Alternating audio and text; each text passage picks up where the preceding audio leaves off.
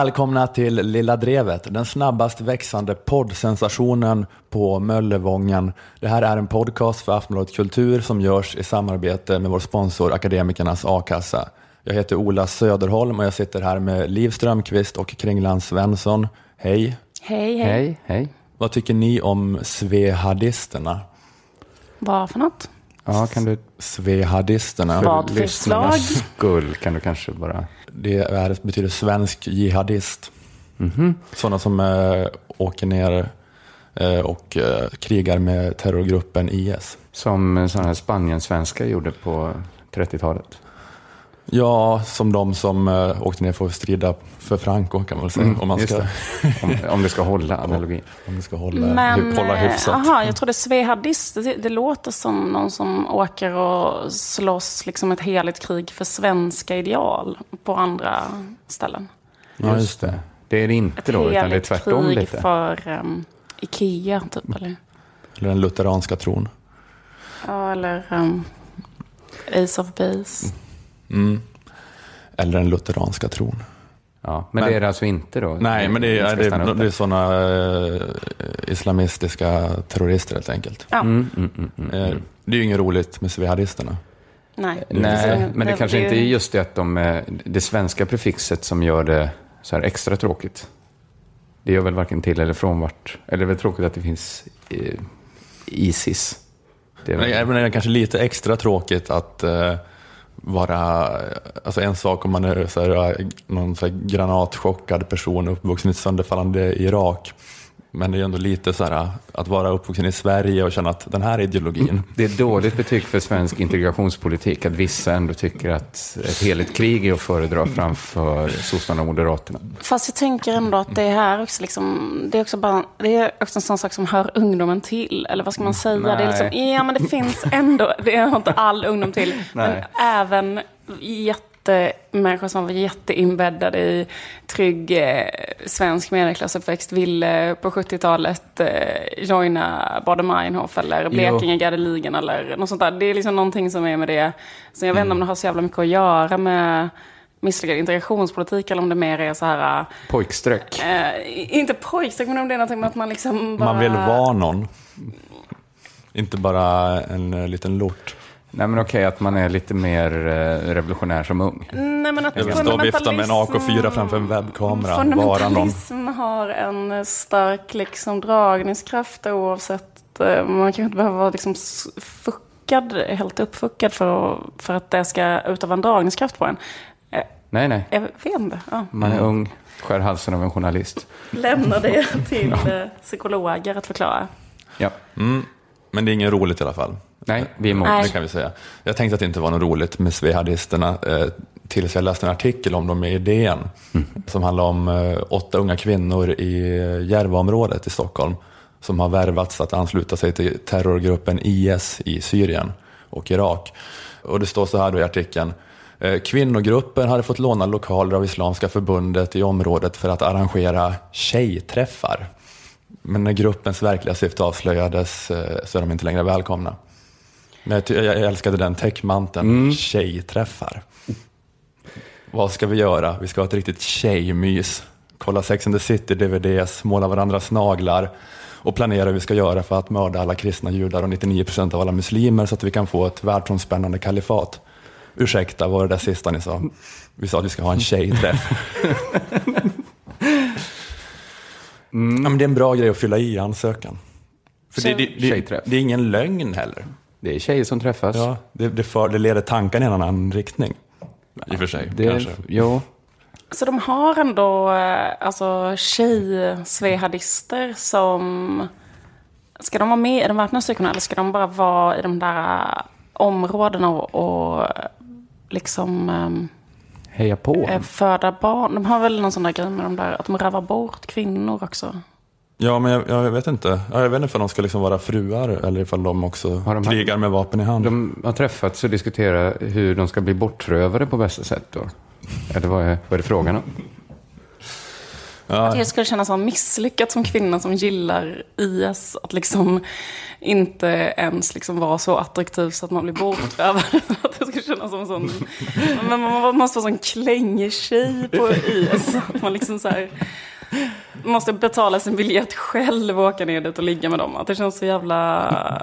Ja, det är det sista man vill. Ja, just det. Alltså man bara... Allt jag vill är att liksom få vara, sexslav och terrorister. Och så ska inte det gå ens. Ja, att man måste vara en sån klängig sexslav.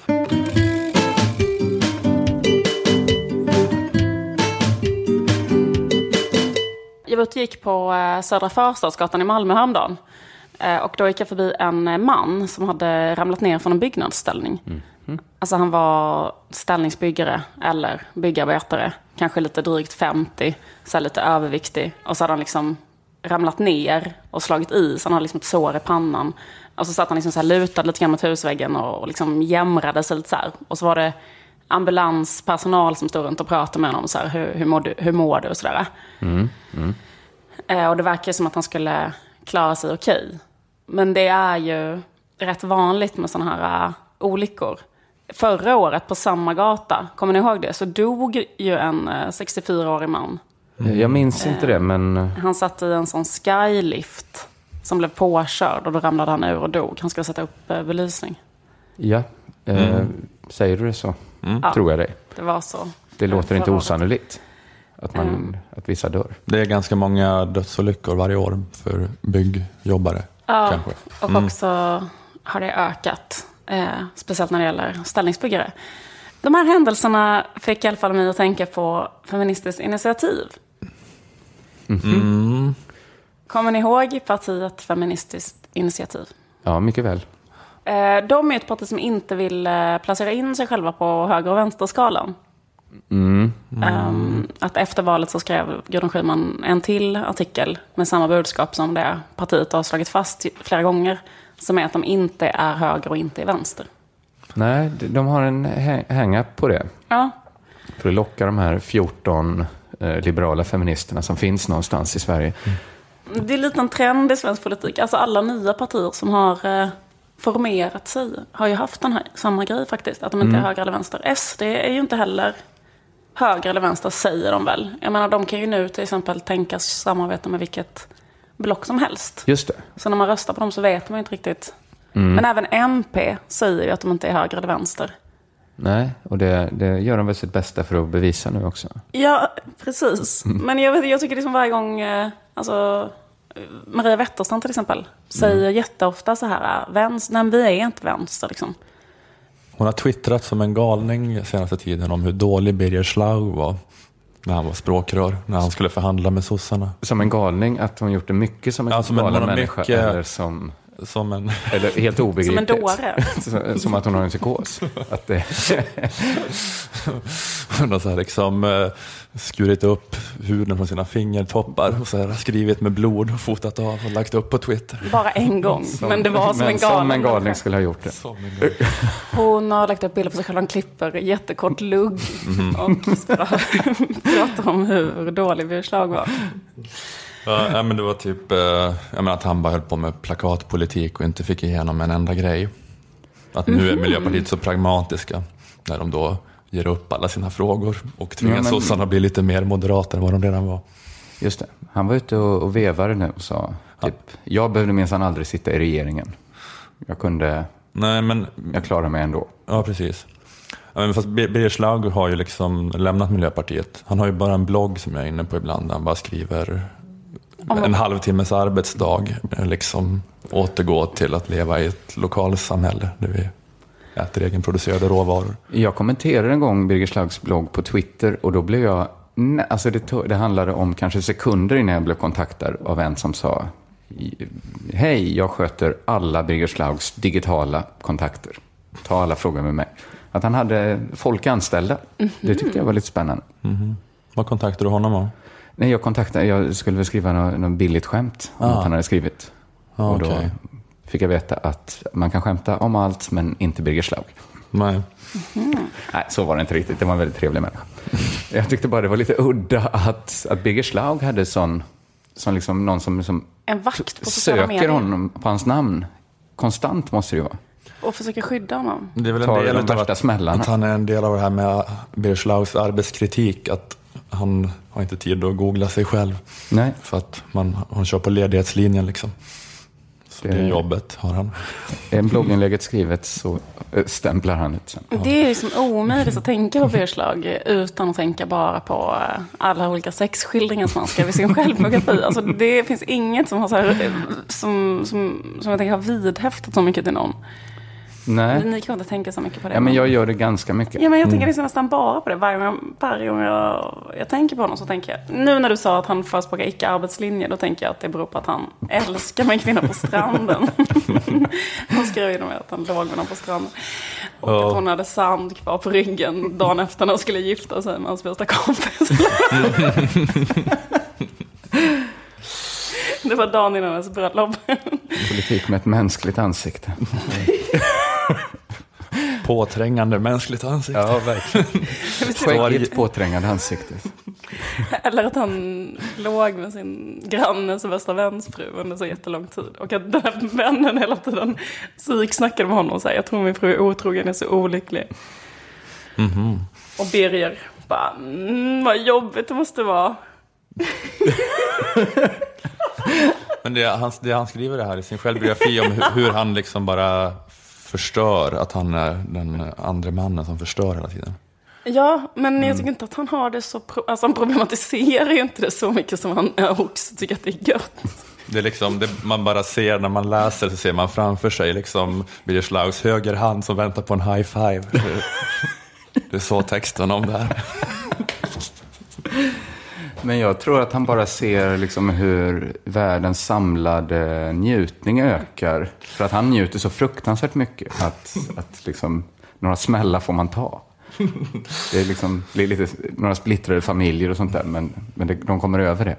Ja, ja. Den totala njutningskvoten i kosmos Exakt, ökar den tack vare ökar. Birger Schlaug. Så att det var kännbart från världsrymden. Det här är så osannolikt lång utvikning. Ja, det är. Eh, Eh, på tillbaks det som jag, till, till, till, tillbaks till det som jag... Höger-vänster-skalan. Exakt, höger-vänster-skalan. Och Feministiskt initiativ. De bygger ju inte då eh, sin ideologi, alltså de bygger ju inte sin politik på liksom en klassisk höger-vänster-ideologi. Utan istället så bygger de ju på eh, sin politik utifrån identitet. Alltså att man utifrån sin identitet som till exempel kvinna eller rasifierad har vissa behov som går utanför höger-vänster-skalan. Och så inkluderar de fler och fler identiteter i den här eh, feministiska agendan som liksom blir längre och längre. Man har inkluderat eh, funktionshinder och sånt på sista tiden. Och det kanske på ett sätt stämmer. Jag menar funktionshinder, eh, det kan man ju inte egentligen kanske placera in på en klassisk höger-vänster-skala. Nej, men Är jag har ju hellre funktionshinder och liksom sitter i Wallenbergsfären än och tigger utanför Iken då. Eller? Det är ändå- Finns det inte också bara något med eh, att funktions, alltså funktionsanpassade grejer är ju saker som inte bär sig på en fri marknad oftast. Att det krävs Så- Det beror på vänsterpolitik hur kan man tänka eh, sig. bra entreprenörer de funktionshindrade är. Exakt. Hur som helst, Ja. man pratar i alla fall mer om alla de här olika identiteterna som ska inkluderas än... Man pratar inte på ett klassiskt liksom, vänstersätt om ekonomisk fördelning och klass.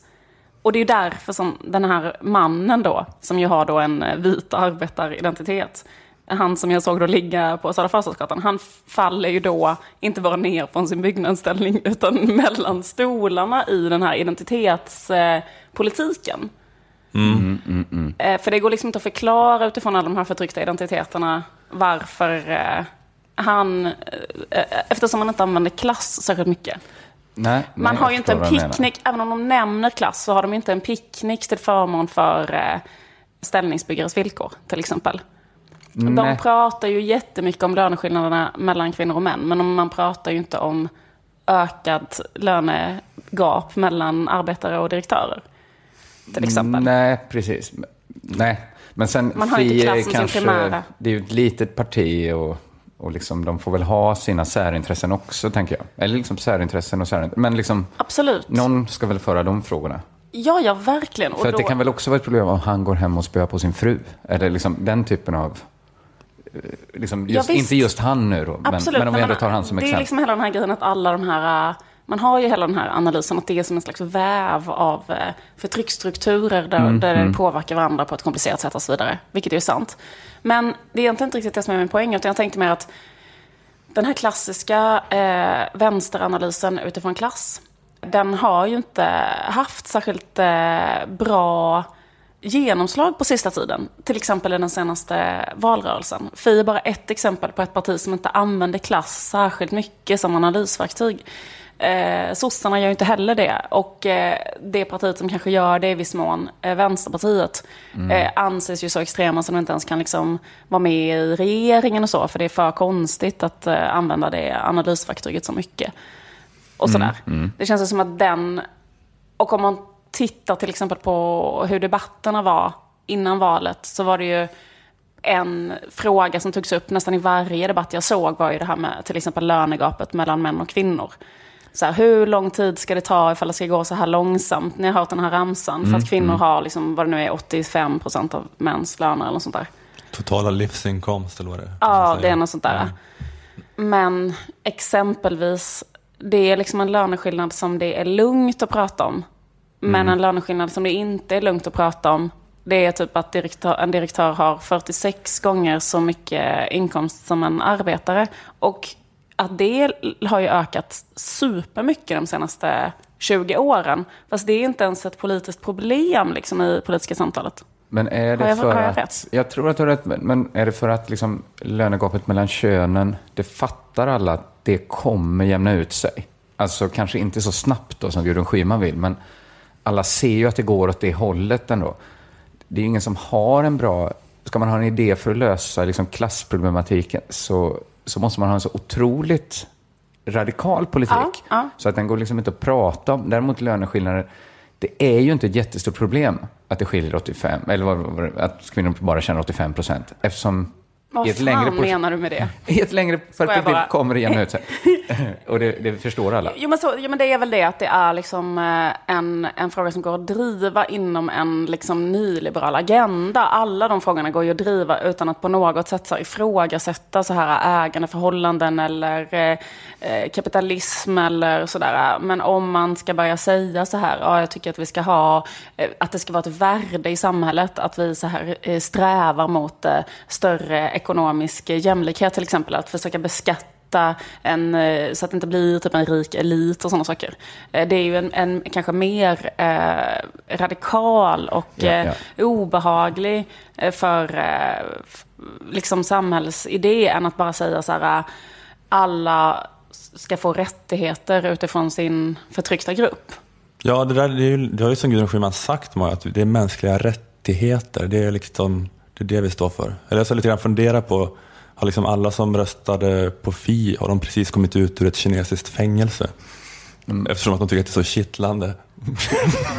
mänskliga rättigheter. Ja, men de menar väl att, att, att det bryts liksom mot mänskliga rättigheter på olika sätt även i Sverige och det måste vi öppna ögonen för, och vilket ju stämmer för jag menar, det ja, finns om ju man exempelvis papperslösa. tvångssteriliserar eh, transpersoner och sånt där så har de kanske inte samma rättigheter. Nej, men, eh, jo, jag, jag raljerar, men det är liksom... men, eh, ska Blir jag sunda förnuftet helt plötsligt? men det är någon slags, eh, ja, men som du säger, att om man är ute efter radikal förändring så då är, ju- ja, då, är- då är det här med direktör kontra arbetare en större skillnad än man och kvinna. Liksom. Ja, det är ju en större, alltså, liksom... Eh, men, men, men, men det skulle komma till var mer så här att, att jag tänker att så här, identitet, om vi kallar det för identitetspolitik, att man utifrån liksom medfödda identiteter driver så här, att de grupperna ska liksom komma fram på olika sätt och att de grupperna då känner sig jätteidentifierade med, liksom, med sin fysiska kropp kan man ju säga då. Att man, att Det får man, man eh, röstar inte genom att direkt tänka ideologiskt utan mer att bara titta på sitt Det är skrev som den här eller sin dramaövningen, att man röstar med könet. Man röstar, man röstar med könet Gå med och könet sin, först mot vallokalen. och, och, och, sin Eller könen. hud, eh, och sin hudfärg. Eh, också liksom SD och så vidare. Eh, nej, men snarare än att det är så här olika politiska idéer som liksom står mot varandra och så. Utan det är mer så här utifrån vem jag är kanske, eller mm, än, än vad, jag, vad jag tänker. Kanske, jag har ingen aning. Eh, liksom, inte ba, det är inte bara så, men på ett sätt kan man säga det så. Ja, men att eh, det i alla fall liksom, eh, har varit framgångsrikt. Det finns ju en pepp kring det. Det finns ju en god stämning kring det. Det, det jag menade är att det finns inte ett gäng härliga gubbar som, som gör en eh, stödskiva för för gubbars erfarenhet i samhället och så. Det kan man också argumentera för att det är för att gubbars erfarenheter i samhället är så himla liksom redan spridda och välkända och så. Men det finns ju gubbar, det finns ju marginaliserade gubbar och det är det jag pratar om klass liksom. Det, det är ju en, eh, ett brutalt klassamhälle för gubbar som måste vara hemlösa eller vara i psykvården eller eh, klättra omkring på en hal byggnadsställning i minusgrader eller liksom hela den, hela den eh, biten. Liksom. Eh, men det jag tänkte föreslå här, det är liksom att de gubbarna kanske också skulle eh, släppa släppa vänster-högerskalan i och med att vänster har blivit så politiskt stigmatiserad och också mer gå in på att föra bara identitetspolitik. Att vara en gammal gubbe och det förtryck. att vara knegargubbe. Att, det skulle, att man kanske skulle kunna mm, peppa igång eh, någonting mm, mer mm, mm, utifrån så här... Um, att de skulle kunna försöka bli en del av kanske av rättviseförmedlingen. Och driva frågor som eh, att man jag menar faktiskt på allvar så tror jag att det skulle kunna funka bättre om man tar bort det som en politisk ideologisk vänsterfråga och istället försöker angripa folk på ett moraliskt eh, plan. Att man kränker dem kanske, de gubbarna, genom att inte eh, kvotera in dem i olika sammanhang eller att eh, Ja, kanske... Män med arbetarbakgrund borde få vara med i eh, bolagsstyrelser till exempel. Hur representerade är män från arbetarsläkter i bolagsstyrelser? Kan tänka mig inte särskilt representerade.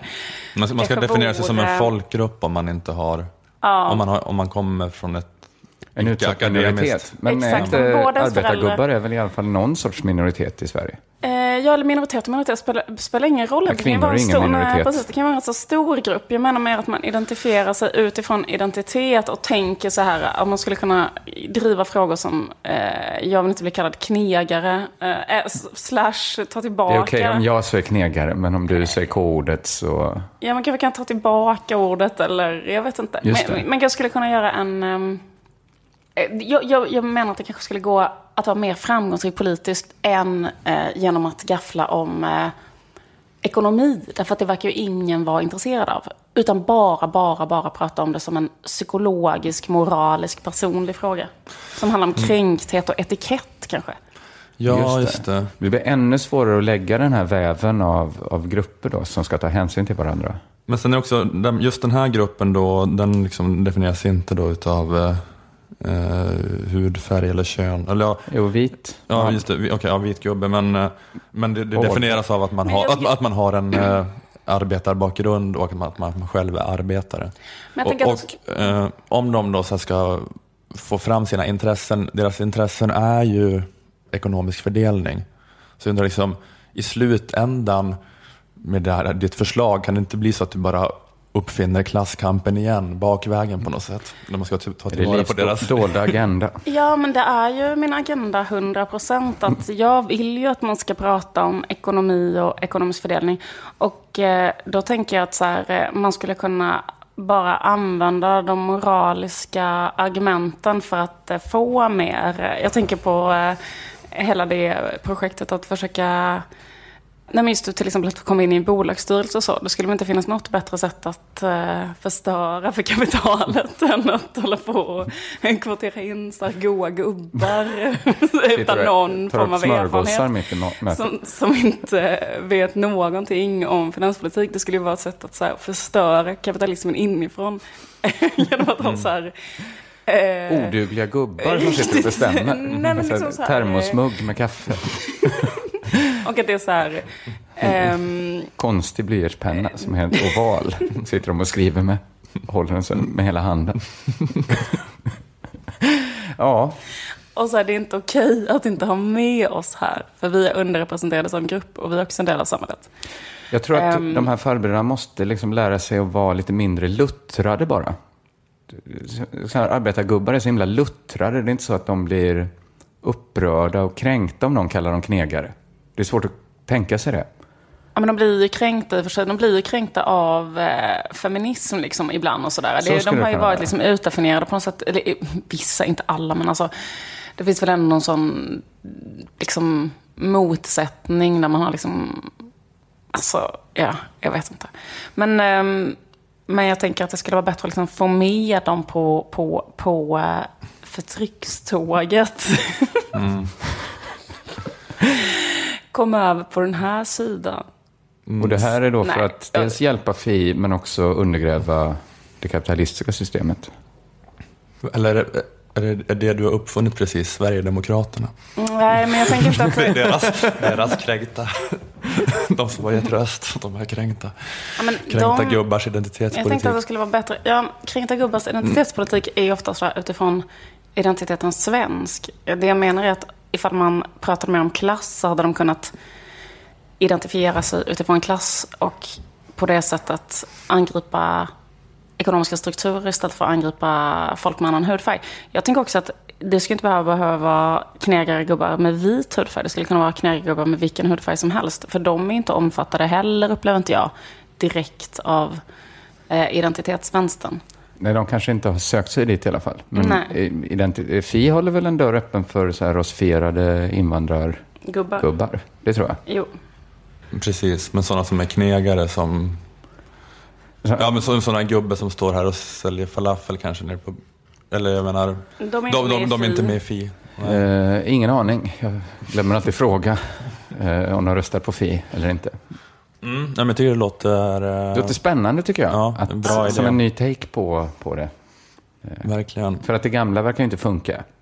Då att hålla på med någon så här förlegad klasskamp som ingen eh, ställer sig bakom. Nej, men precis. För om det verkligen är så att eh, vi bara liksom anammar det där att höger-vänster-skalan är förlegade. Det är en hundraårig förstelnad, stelbent struktur som inte kan fånga upp alla. Då måste ju alla istället börja identifiera sig utifrån en apolitisk grund som bara har att göra med eh, någon form av till grupptillhörighet. Hoppas att det är några eh, kränkta vita eller arbetarfarbröder som lyssnar nu. då.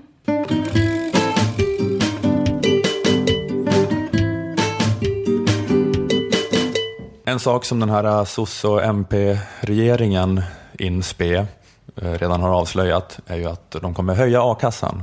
Mm. Eh, Det var på tiden. De har inte gått ut med någon siffra ännu, men de lovar att höja den.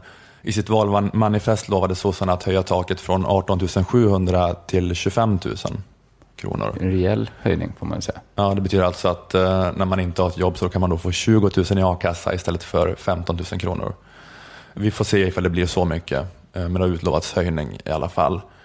Alltså ännu en anledning att gå med i a-kassan. Den här podden sponsras ju av Akademikernas a-kassa. Eh, Att gå med i just den a-kassan kostar 90 kronor i månaden och då kan du få upp till 15 000 kronor i månaden och snart mer än så Just det. som sagt. Eh, om du skulle råka vara mellan jobb.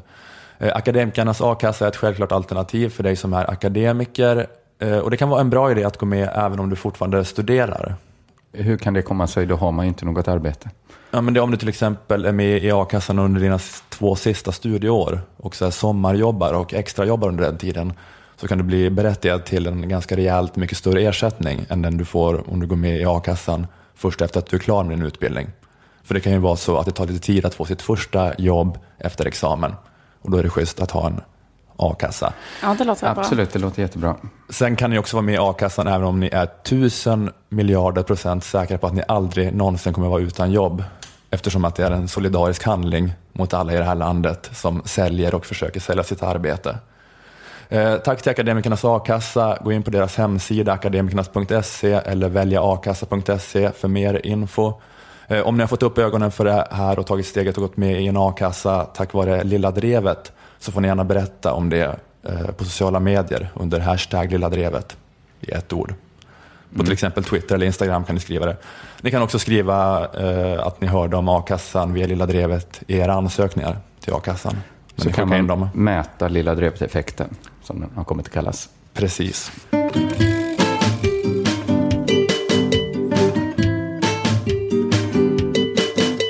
Det är en sak eh, som har stört mig i de här analyserna av Sverigedemokraternas framgångar. Ni har kanske läst i tidningen att alla har en analys om varför det gick så bra för Sverigedemokraterna. Ja. Och det är aldrig någon som kommer fram till för att det är ett trevligt parti som har många vettiga åsikter. Nej. Ingen av de stora ledarsidorna har, har liksom kommit fram till den konklusionen. Eh, och eh, jättemånga säger jättekloka saker. Det är väldigt, det är väldigt mycket eh, ska jag säga, vettighet som präglar debatten. Det är liksom mycket förnuft så här i efterhand. Eh, men det är en sak som jag har stört mig på, som jag tänkte på första gången när jag läste Åsa Linderborgs analys. Hon skriver till exempel så här. Först bedriver Moderaterna en politik som gör att Sverigedemokraterna kommer in i riksdagen. Sen fortsätter man med samma politik så att SD fördubblar sitt väljarstöd. Alltså att hennes analys är att det är Moderaternas fel. Och det är det ju kanske. Men det är en lycklig slump eh, för Åsa, som är motståndare av Moderaternas politik, att det råkar vara så att det också är Moderaternas fel att det finns rasism. Eller SD liksom. Men hon, hon kan Är liksom- analysen, jag har inte läst den analysen, men menar hon då att eftersom eh, Moderaterna har liksom eh, förflyttat så mycket tillgångar från eh, typ svensk arbetarklass så vänder de sig istället mot eh, sina egentliga systrar och bröder? Ungefär så, att, Ja, och okej, mm. att Socialdemokraterna fortsätter driva samma Ja, politik. Att ja, det finns liksom, ja, just det. det. Mm. här liksom splittrar Sverige på något sätt i, i, i hög och låg. Folkpartisten Johan Persson, eh, han analyserar idén så här. De rödgröna har gång på gång beskrivit Sverige som ett mycket dåligt land att leva i. Socialdemokraterna har bekräftat denna introverta samhällsbild, vilket spelat Sverigedemokraterna i händerna. Återigen, som en slump kommer han fram till att det var hans politiska motståndares fel. Att det är liksom det här som stör mig, att alla kommer fram till att det bästa vore om just de fick fortsätta med sin politik precis som vanligt. Men alla andra måste förändra sig för att inte gynna Sverigedemokraterna. Det är liksom som att folk tar politiska poänger på Sverigedemokraternas framgångar. Det är lite osnyggt kan jag tycka. Eh, Så här skriver till exempel Fi på sin sida, hemsida om feministisk antirasism. Det är lite, man får liksom eh, avkoda det lite, för det är lite invecklat, för mig i alla fall. I dagens samhälle utsätts människor som inte passar in i en vit västerländsk norm för rasism och marginaliseras. Konsekvensen blir att icke-vita kvinnor också upplever könsförtryck genom rasistiska konstruktioner av kön. Könsstrukturer och rasistiska strukturer förstärker och upprätthåller på så sätt varandra.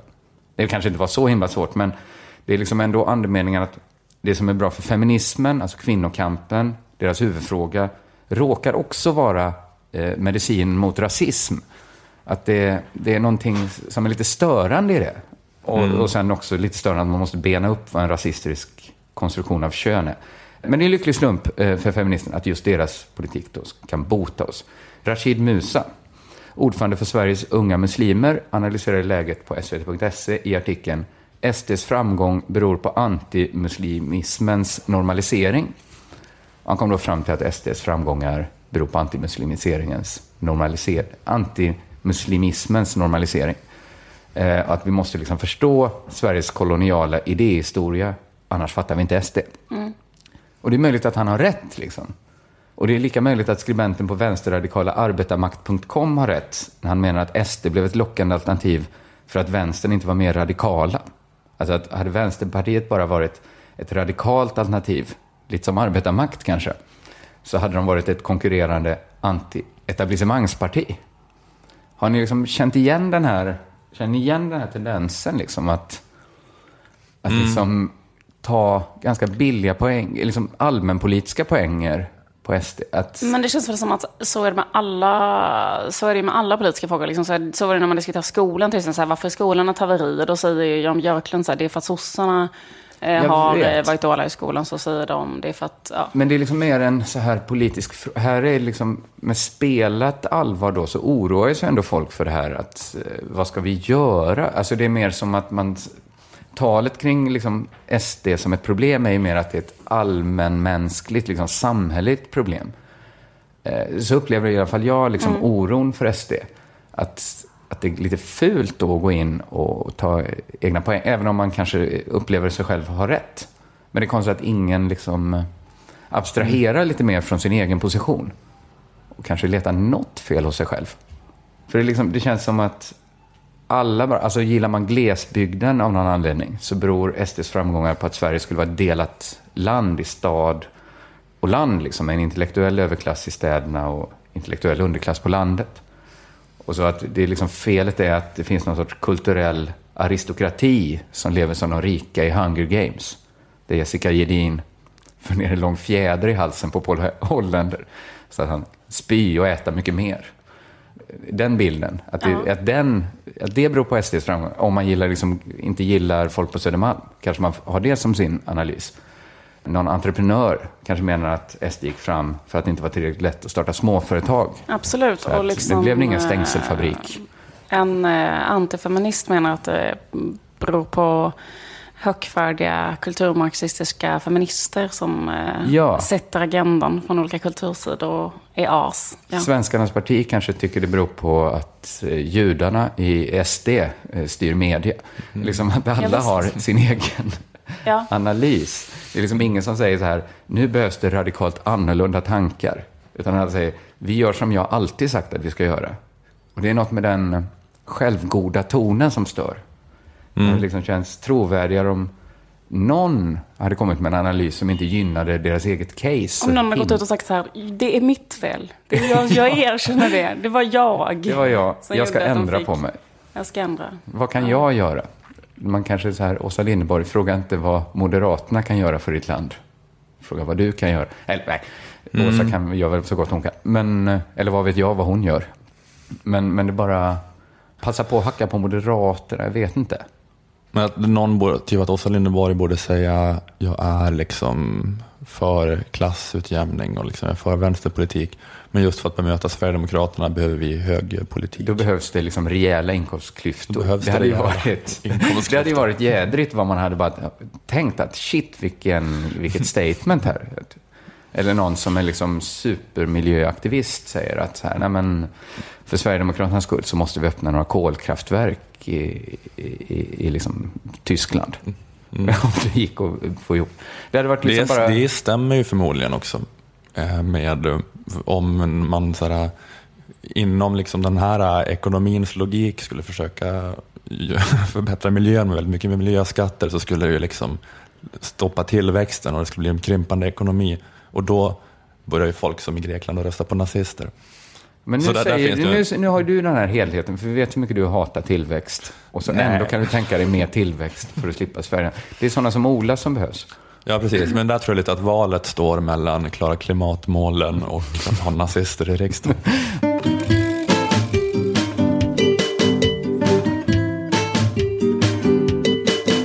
Det har varit mycket snack om eh, yttrandefrihet i veckan.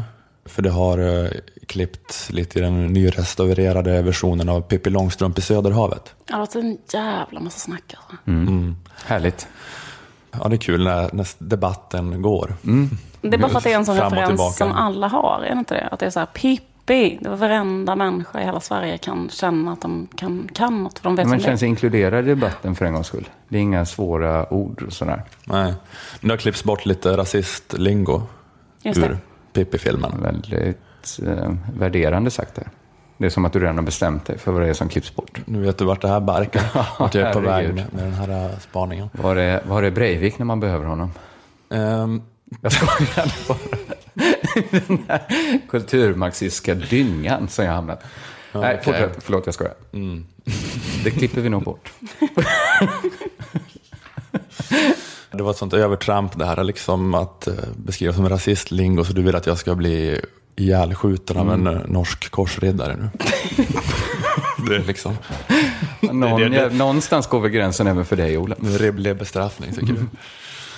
Men det här är ju en debatt vi har hört förut. Att eh, om gammal barnkultur reproducerar rasistiska stereotyper ska man bränna den då. Eller inte bränna den, men ska man flytta den gamla versionen till vuxenavdelningen. Eftersom att vissa menar att barn, när de till exempel ser en film, har en mer så begränsad förförståelse av det historiska perspektivet. Att de inte på samma vis inser att verket kanske skapades i en annan samhällelig kontext då det fanns mindre kunskap om det här. Kanske värre rasistiska strukturer. Sanna Reimann eh, skrev ganska bra om det här tyckte jag i Svenska Dagbladet. Mm. Att det är svårt med barnkultur för att dels kan man ju så förstå det liberala perspektivet. Att det kan bli ett problem med det här sluttande planet. Att vad kan det leda till om det blir för mycket välmenande censur? Mm. Att alla som känner sig lite kränkta ska få sin censur. Att man också måste så klippa bort Tintin ur Tintin i Kongo. För att Kringlan tycker att det är en nidbild av honom. mm. Men samtidigt är det då ett problem med gammal barnkultur att den typ måste censureras och göras om. Alltså om det ska fortsätta att funka som ett bruksverk som mm. barn kan avnjuta på det viset det var tänkt att det skulle avnjutas. Eftersom att barn saknar det här då filtret och historiska perspektivet. Eh, det är som det här exemplet med bröderna Grimm-sagorna. Att de har ju ändrats genom historien och blivit mycket mildare. Mm. Ni vet att i 1600-tals original så slutade sagorna typ och sen knullmördade vargen Rödluvan. Snipp, snapp, snut. Just det, just det. Men de var ju för vuxna eh, från början. Det var ja. ju inte för barn. Utan de berättade ju de som för andra vuxna tror jag, från början. Det var därför de var, det var så. spökhistorier mer kanske? Ja, porr. porr skräckporr. Ja, det var ju Men... väldigt mycket att ligga med någon som sov och sen... Mm. Ja, skitsamma. Men det är ungefär som att man gillar att se så här... Att det är samma funktion som typ så här... Det är någon snuff-movie. Ja, eller kanske, eller kanske bara se så True Detective, så där, att det handlar om något hemskt liksom, sexmord, sådär, deckarserier, deckare, thriller-grejer som man ser idag. Okej, okay, så det var inte att man på 1600-talet tyckte att det här var det mysigaste att natta barnen med?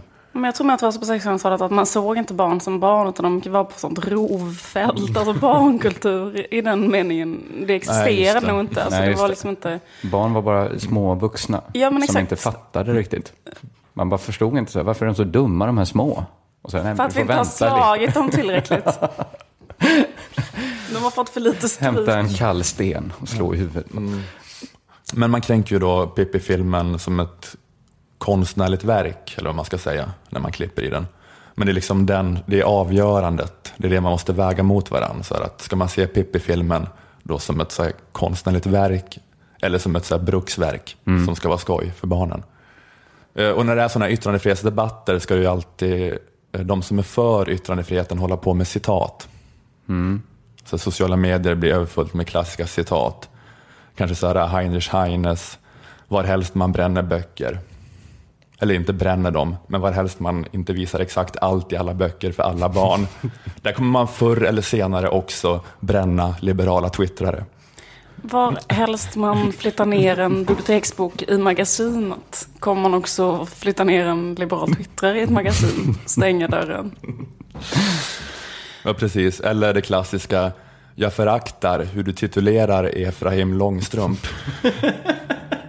Men jag är beredd att dö för din rätt att behandla femåriga barn som fullvuxna kritiskt tänkande kulturkonsumenter med insikter i postkolonial teori. Mm. Det har man sett på Twitter. Ja, det har delats. Mm. Men det var inte det jag tänkte prata om. Nej. För det jag har funderat på när det gäller den här debatten är hur reagerar Danmark? Mm. Hur reagerar danskarna på att svenskarna har klippt bort några sekunder ur Pippi-filmen? Enligt mina fördomar om dansk debatt så har de flippat. Det är så man tänker, eller flippat, jag tänker mer att de får något så här väldigt självgott Eh, över ansiktena och säger något typiskt Sverige. Och att de är ganska liksom lugna med det här. Okay, att ja. det bara förstärker deras fördomar om Sverige. Ja, men jag, jag tänker att, liksom att, svenskarna, att, att svenskarna har rasiststämplat Pippi Långstrump, det är liksom det yttersta järtecknet på att PK-domedagen står för dörren. Sverige är Isis. Ja, snart kommer de över bron. snart kommer det liksom en armé av normkritiker och genuspedagoger tåga över Öresundsbron. Och gräva upp Ole Lund Kierkegaards grav och skända hans lik för vad han skrev i Hodjes flygande matta. Ja, sätter en, en bh på den lilla havsfru. Ja, målar dit en stor mensfläck på lilla, lilla havsfrun. Först en burka och sen en mensfläck på burken. Precis, störtar drottning Margarete, installerar en funktionsnedsatt romsk transperson som ny monark. Mm. Ja, men så kan man väl låta tanken springa iväg, ja. Mm. Mm. Att det är så mm. de gör. Och, och det ska vi, vad sa du, Olle Och Lund jag- Kierkegaard, det det är en barnboksförfattare som också skriver böcker som inte var är PK idag. Ja, precis. Ole Lund Kierkegaard. Jag trodde att ni hade den Jo, referensen. Gummitarsan, Ja. Rosengrodslukare, den typen av skojerier. Ja, men så här tänkte jag att Danmark reagerade. De flippade. Men jag tänkte att jag, ska bara, jag borde dubbelkolla det.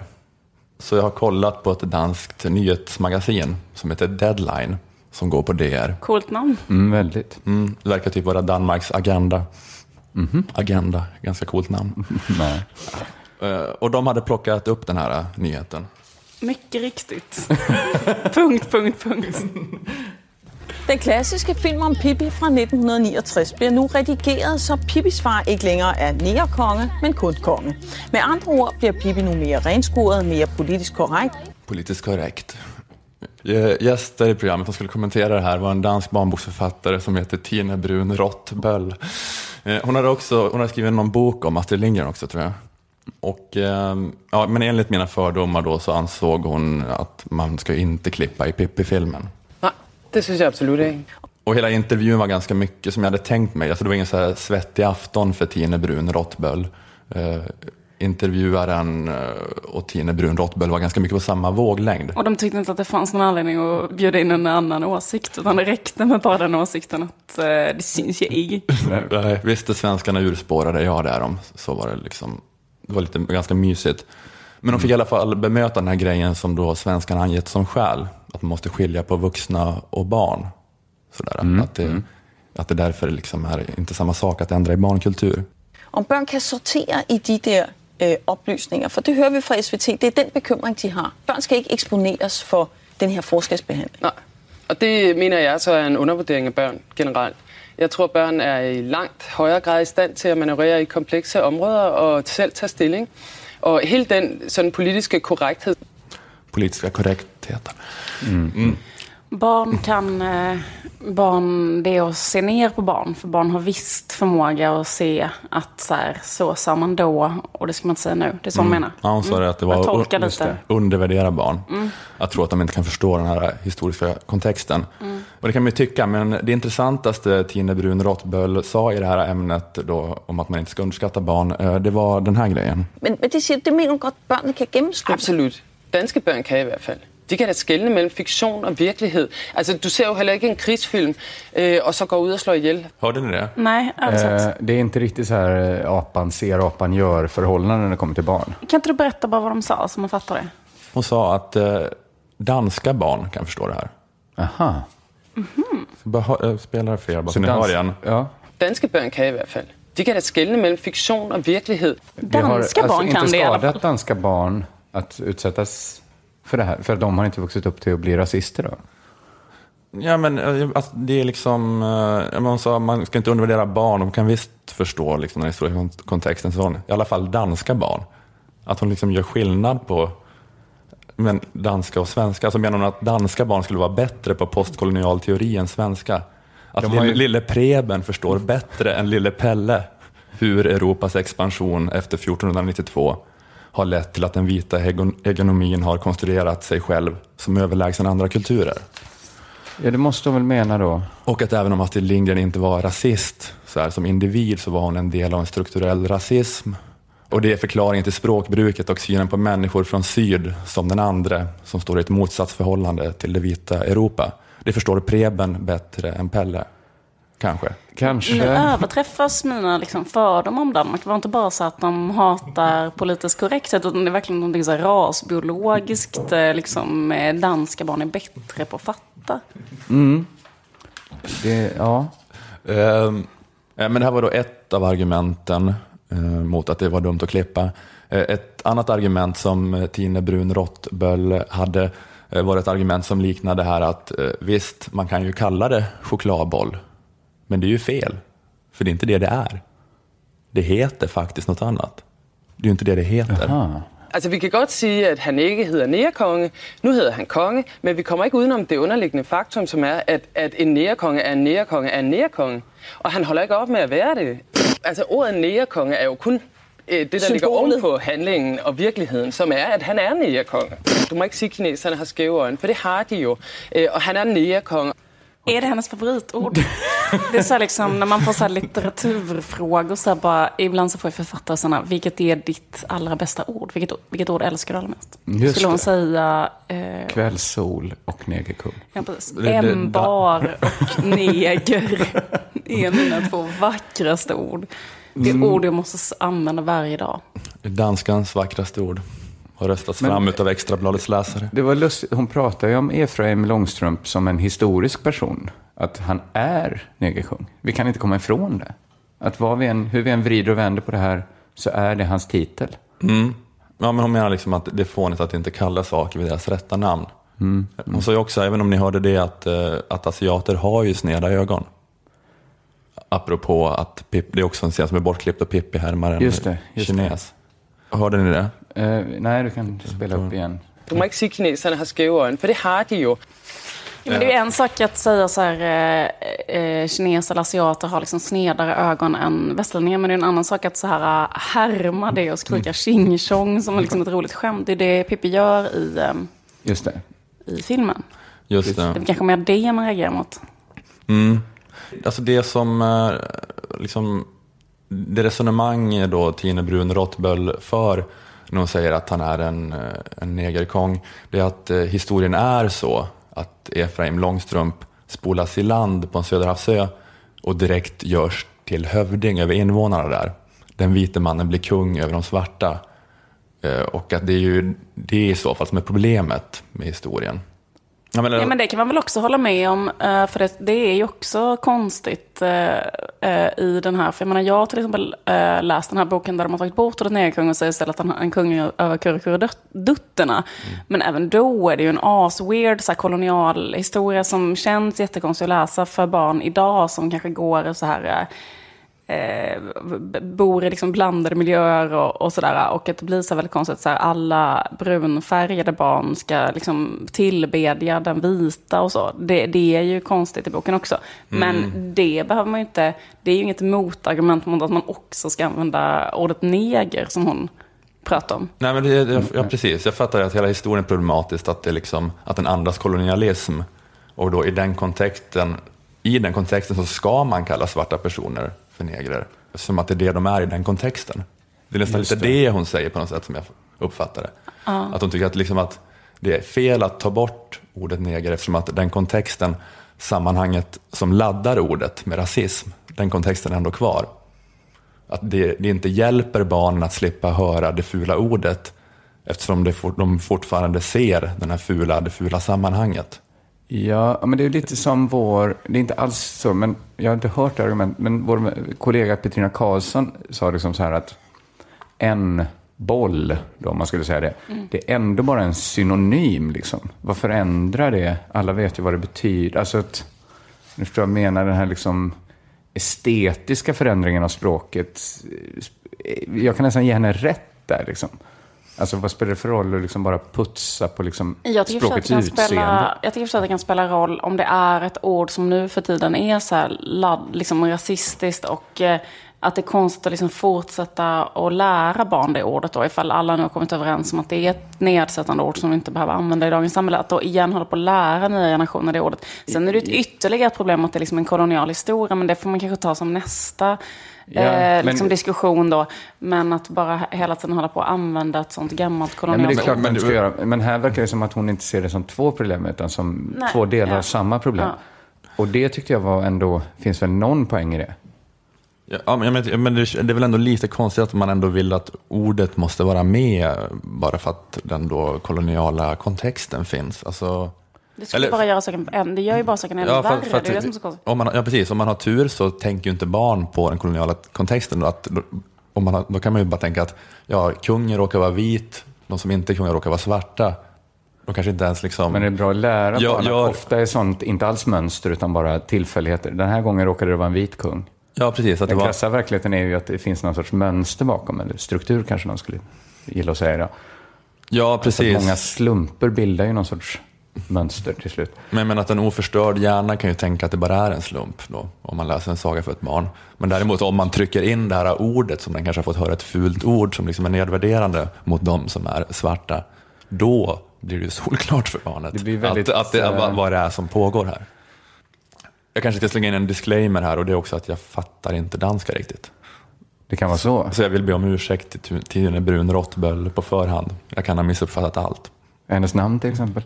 Kan du ha missuppfattat att hon hette något? Det kanske man måste liksom i efterhand så här, censurera och klippa om Tine Brun Rottbölls namn för att det liksom är en nidbild av danskar. Och heta så. Ja, det är lågt bara på att håna folks, folks namn. Och ni- Nej, det duger det med. Ja, vi kan eh, sammanfatta det här inslaget. eh, vi kan sammanfatta det här inslaget på samma sätt eh, som programledaren för Deadline. Det är spännande. Och ännu ett exempel på kulturforskellen mellan Sverige och Danmark. Det är spännande. Spännande är det. Och ytterligare ett exempel på kulturskillnader Mellan Sverige och Danmark. mellan Sverige och Danmark.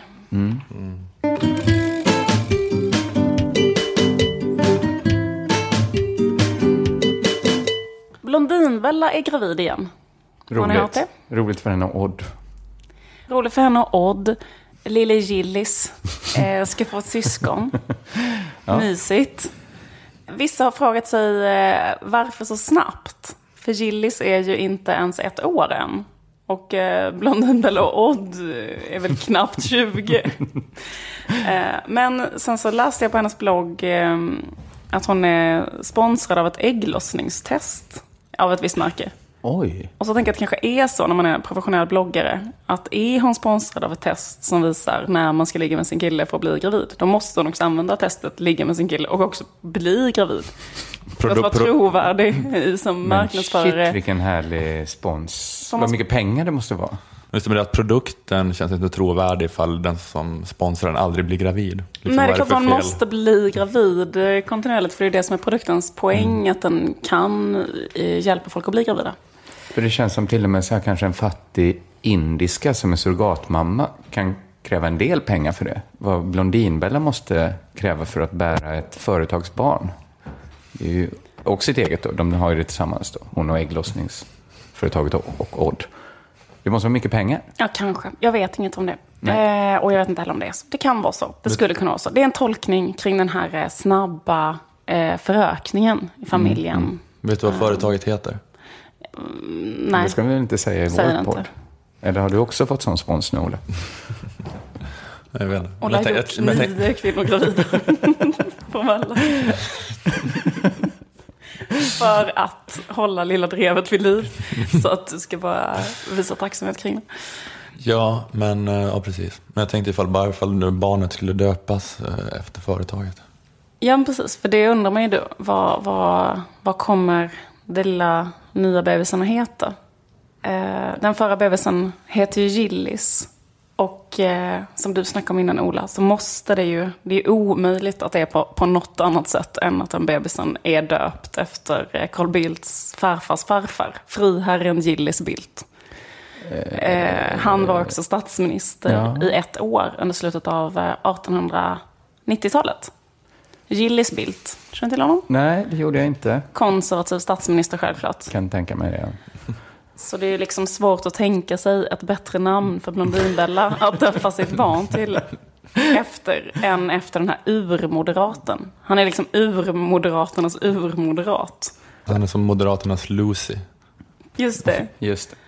Men Carl Bildts släkt börjar inte heller med Gillis Bildt, utan familjen Bildt är en uradlig vars, som finns omskriven på sådana gamla ättartavlor eh, ända från 1000-talet faktiskt. Eh, och enligt legenden så är Carl Bildts ursprungliga anfader en viking som heter Sigurd, som var med på eh, vikingaskeppet Ormen Långe. Så gammal är den här adliga släkten. Imponerande. Så det här med att svina till sig tredje världens tillgångar på olika osköna sätt. Det är alltså en gammal fin tradition som familjen Bildt har hållit liv i. Ända sedan Ormen Långe. Men Sigurd tänker jag då, kanske att, att barnet skulle kunna heta. Blondinbellas andra barn. Sigurd. Om hon fortsätter på Om- det här temat, urmoderater. Eh, ja. Eh, Eller den stora Blondino. Eller den lille Blondino. eller att det bara får heta Gösta Boman då, efter någon annan moderat. ja, just det. Så kan det också bli. Ja, precis. Det kanske bara är moderata favoriter. Det inte Så vara kan ni, måste inte gå bak till vikingatiden för att hitta en moderat heller. Bara kan heta bara Gunnar Hökmark rakt av. Men om det blir en flicka då? Blondinbella föder inte flickor. Nej. Va? Eller? Vad är det för superkonstigt angrepp? Eh, om det blir en flicka kommer hon såklart att heta Filippa Reinfeldt. I för, två, som två förnamn. Filippa Reinfeldt Löwengrip. Nej, men jag tänkte faktiskt också på Blondinbella när jag tänkte på det här eh, askonstiga förslaget som SMP har hållit, hållit på med. Att de ska göra eh, gymnasieskolan obligatorisk. Just det.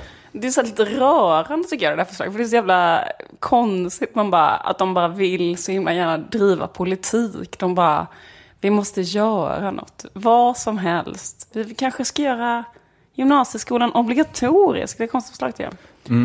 Ja, det är ingen som gillar det och alla säger att det är så här praktiskt omöjligt för att man, när man blir 18 så kan man ändå inte tvinga någon. Exakt. Och, eller det kommer inte göra någon skillnad i praktiken, men det, är bara, det var bara en grej att säga. Vi kunde ka- kalla till presskonferens och säga en grej.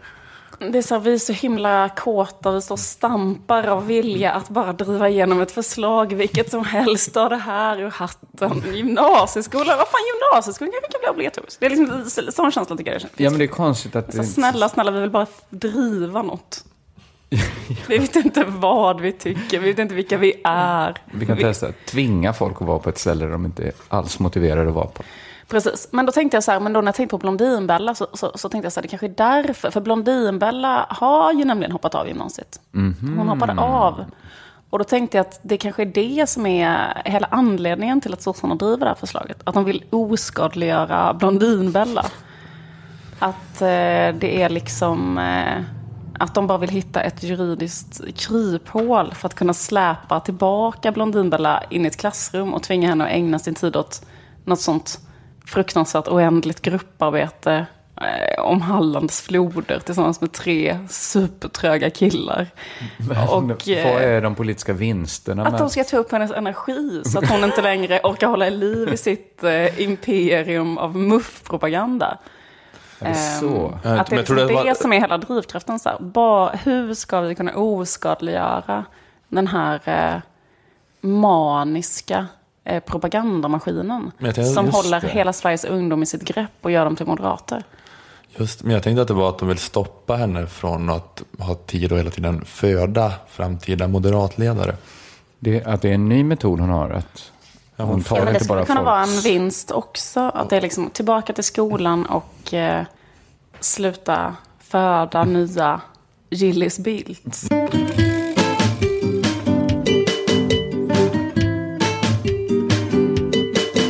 Det var allt för eh, det 35 lilla drevet va? Eh, Jag heter Ola Söderholm. Tack så mycket Kringland Svensson och Liv Strömqvist. Den här podden eh, görs för Aftonbladet Kultur och i samarbete med vår sponsor Akademikernas A-kassa. Vill ni något oss så kan ni skriva under hashtag Lilla Drevet i sociala medier.